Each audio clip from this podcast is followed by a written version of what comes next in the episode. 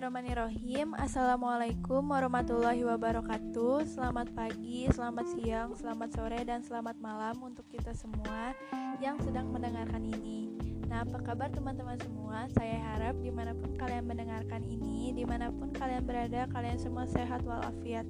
Amin Sebelumnya perkenalkan nama saya Amira Rosefa dari PKN 2019A dengan NIM 1902873 kelompok 8 PIPS yang akan mempresentasikan chapter report yang berjudul Sea Credit Hour for Arizona, the United States, and the World A Case Study of Teacher Content Knowledge, Preparation, and the Creation of Social Study Course sebelumnya telah dijelaskan oleh Satira dan di sini saya akan melanjutkan presentasi dari Satira mengenai mengoperasionalkan pembelajaran abad 21. Baik teman-teman, apakah semua sudah siap?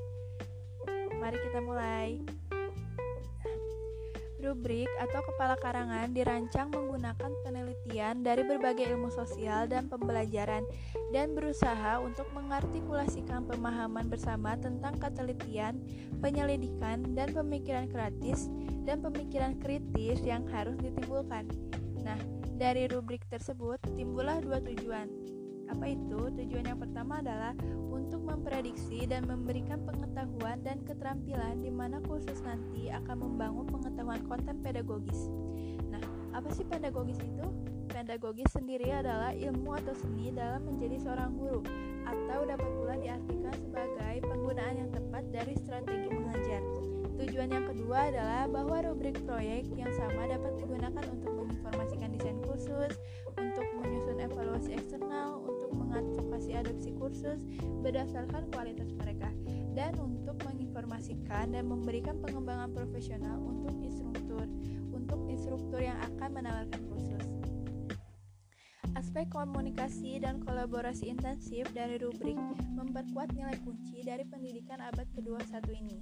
Nah, rubrik proyek menekankan penggunaan teknologi yang tepat dan substansif untuk memperkuat beberapa tujuan pendidikan, yaitu yang pertama, siswa aktif menemukan dan membangun pengetahuan individu. Jadi dengan adanya pembelajaran abad 21 ini memungkinkan siswa dapat menemukan bakat atau minat mereka secara mandiri. Dan yang kedua adalah memfasilitasi produksi, kinerja dan atau presentasi dari apa yang telah mereka pelajari sehingga menetapkan panggung untuk evaluasi diri re reflektif dari pekerjaan mereka sendiri dan rekan-rekan mereka.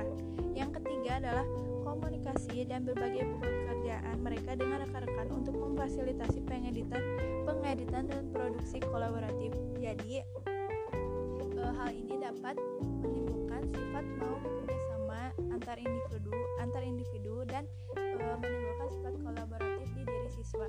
Dan, dan yang terakhir adalah kebiasaan untuk selalu mengikuti perkembangan teknologi dan jenis-jenis pembelajaran baru yang dimungkinkan di masa depan. Jadi dengan adanya pembelajaran abad 21 ini memungkinkan siswa untuk mengembangkan teknologi yang ada dan pembelajaran baru yang mungkin akan digunakan di masa depan kelak. Nah, pertanyaannya, bagaimana sih sistem proyek yayasan pengajaran ini?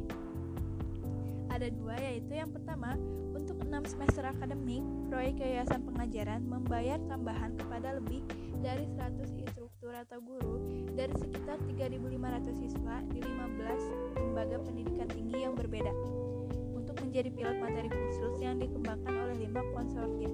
Jadi, eh, per 6 semester akademik itu, eh, proyek yayasan itu membayarkan uang untuk pembelajaran ini ke 100 instruktur tersebut. Dan yang kedua adalah untuk pelajaran sosial, 9 instruktur pilot yang berbeda mengajarkan kursus Arizona dan United States dalam format online dan tatap muka. Jadi pembelajaran ini dapat, dapat digunakan dalam pembelajaran online dan tatap muka secara langsung. Nah, empat instruktur yang berbeda mengajarkan kursus dunia juga dalam format yang beragam ini. Nah, dalam pertemuan tatap muka kelas hibrida apa aja sih topik-topik yang termasuk yang pertama yaitu membahas sumber-sumber pratama dan sekunder tertentu menggunakan strategi membaca secara dekat. Nah, membaca secara dekat merupakan sarana atau media yang sangat penting dalam rangka memperoleh informasi atau ilmu pengetahuan. Oleh karena itu, kegiatan membaca secara dekat perlu dilakukan secara efektif dan efisien agar informasi atau ilmu pengetahuan dapat diperoleh dengan cepat dan akurat. Nah, yang kedua adalah membaca literatur anak, yaitu membaca rujukan apa sih yang dapat digunakan untuk mendapatkan informasi dari anak ini dan membahas integrasi keterampilan baca tulis dengan isi studi sosial dengan mencatat dan membaca lembaran-lembaran sastra dapat menjadi papan pegas atau pengantar pertama dalam mempelajari pelajaran-pelajaran sosial lainnya.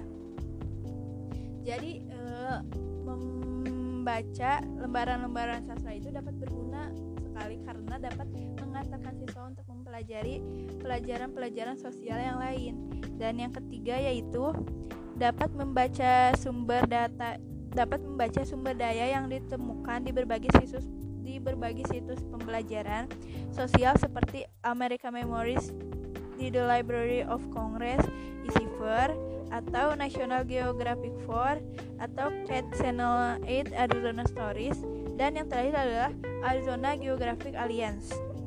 Nah, demonstrasikan dan berarti menggunakan perangkat teknologi seperti Google, Earth, Time Time to iGlobster, Screenshot, dan yang lainnya dengan perangkat elektronik mereka sendiri. Jadi ini dapat digunakan dalam pembelajaran secara online sehingga menciptakan anak yang mandiri dan kreatif.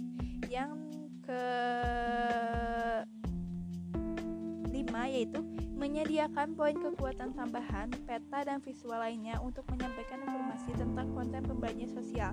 Jadi selain mempresentasikan menjelaskan juga dapat menyediakan poin kekuatan peta dan visual lainnya yang dapat digunakan dalam pembelajaran.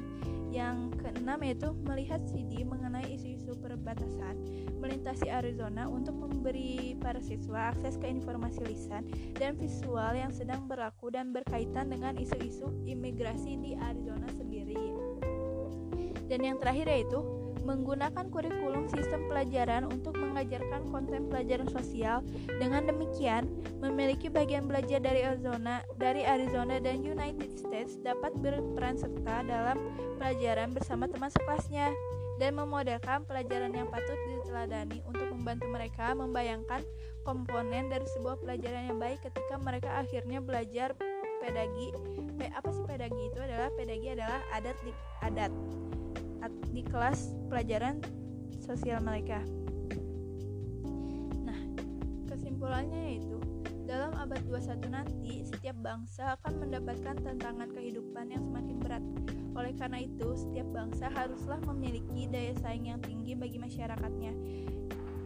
Di sisi yang di sisi yang lain, masyarakat yang memiliki daya saing tinggi tersebut hanya tercapai apabila memenuhi persyaratan sebagai berikut. Yang pertama, masyarakatnya terbangun dari manusia yang berwawasan global, menguasai tech, berkompetensi, kreatif, dan produktif. Yang kedua, masyarakatnya terbangun dari manusia yang mampu berkinerja dalam tim kerja yang kreatif. Dan yang ketiga, masyarakat yang menghargai manusia berdasarkan kemampuannya dan bukan asal-usulnya. Serta yang terakhir, masyarakat dengan kehidupan religius dalam suasana dalam suasana demokratis dan keterbukaan. Nah, dengan adanya pembelajaran abad 21 ini dapat menopang hal, dapat menopang hal-hal tersebut sehingga terciptanya e, daya saing tinggi, daya saing tinggi bagi masyarakatnya.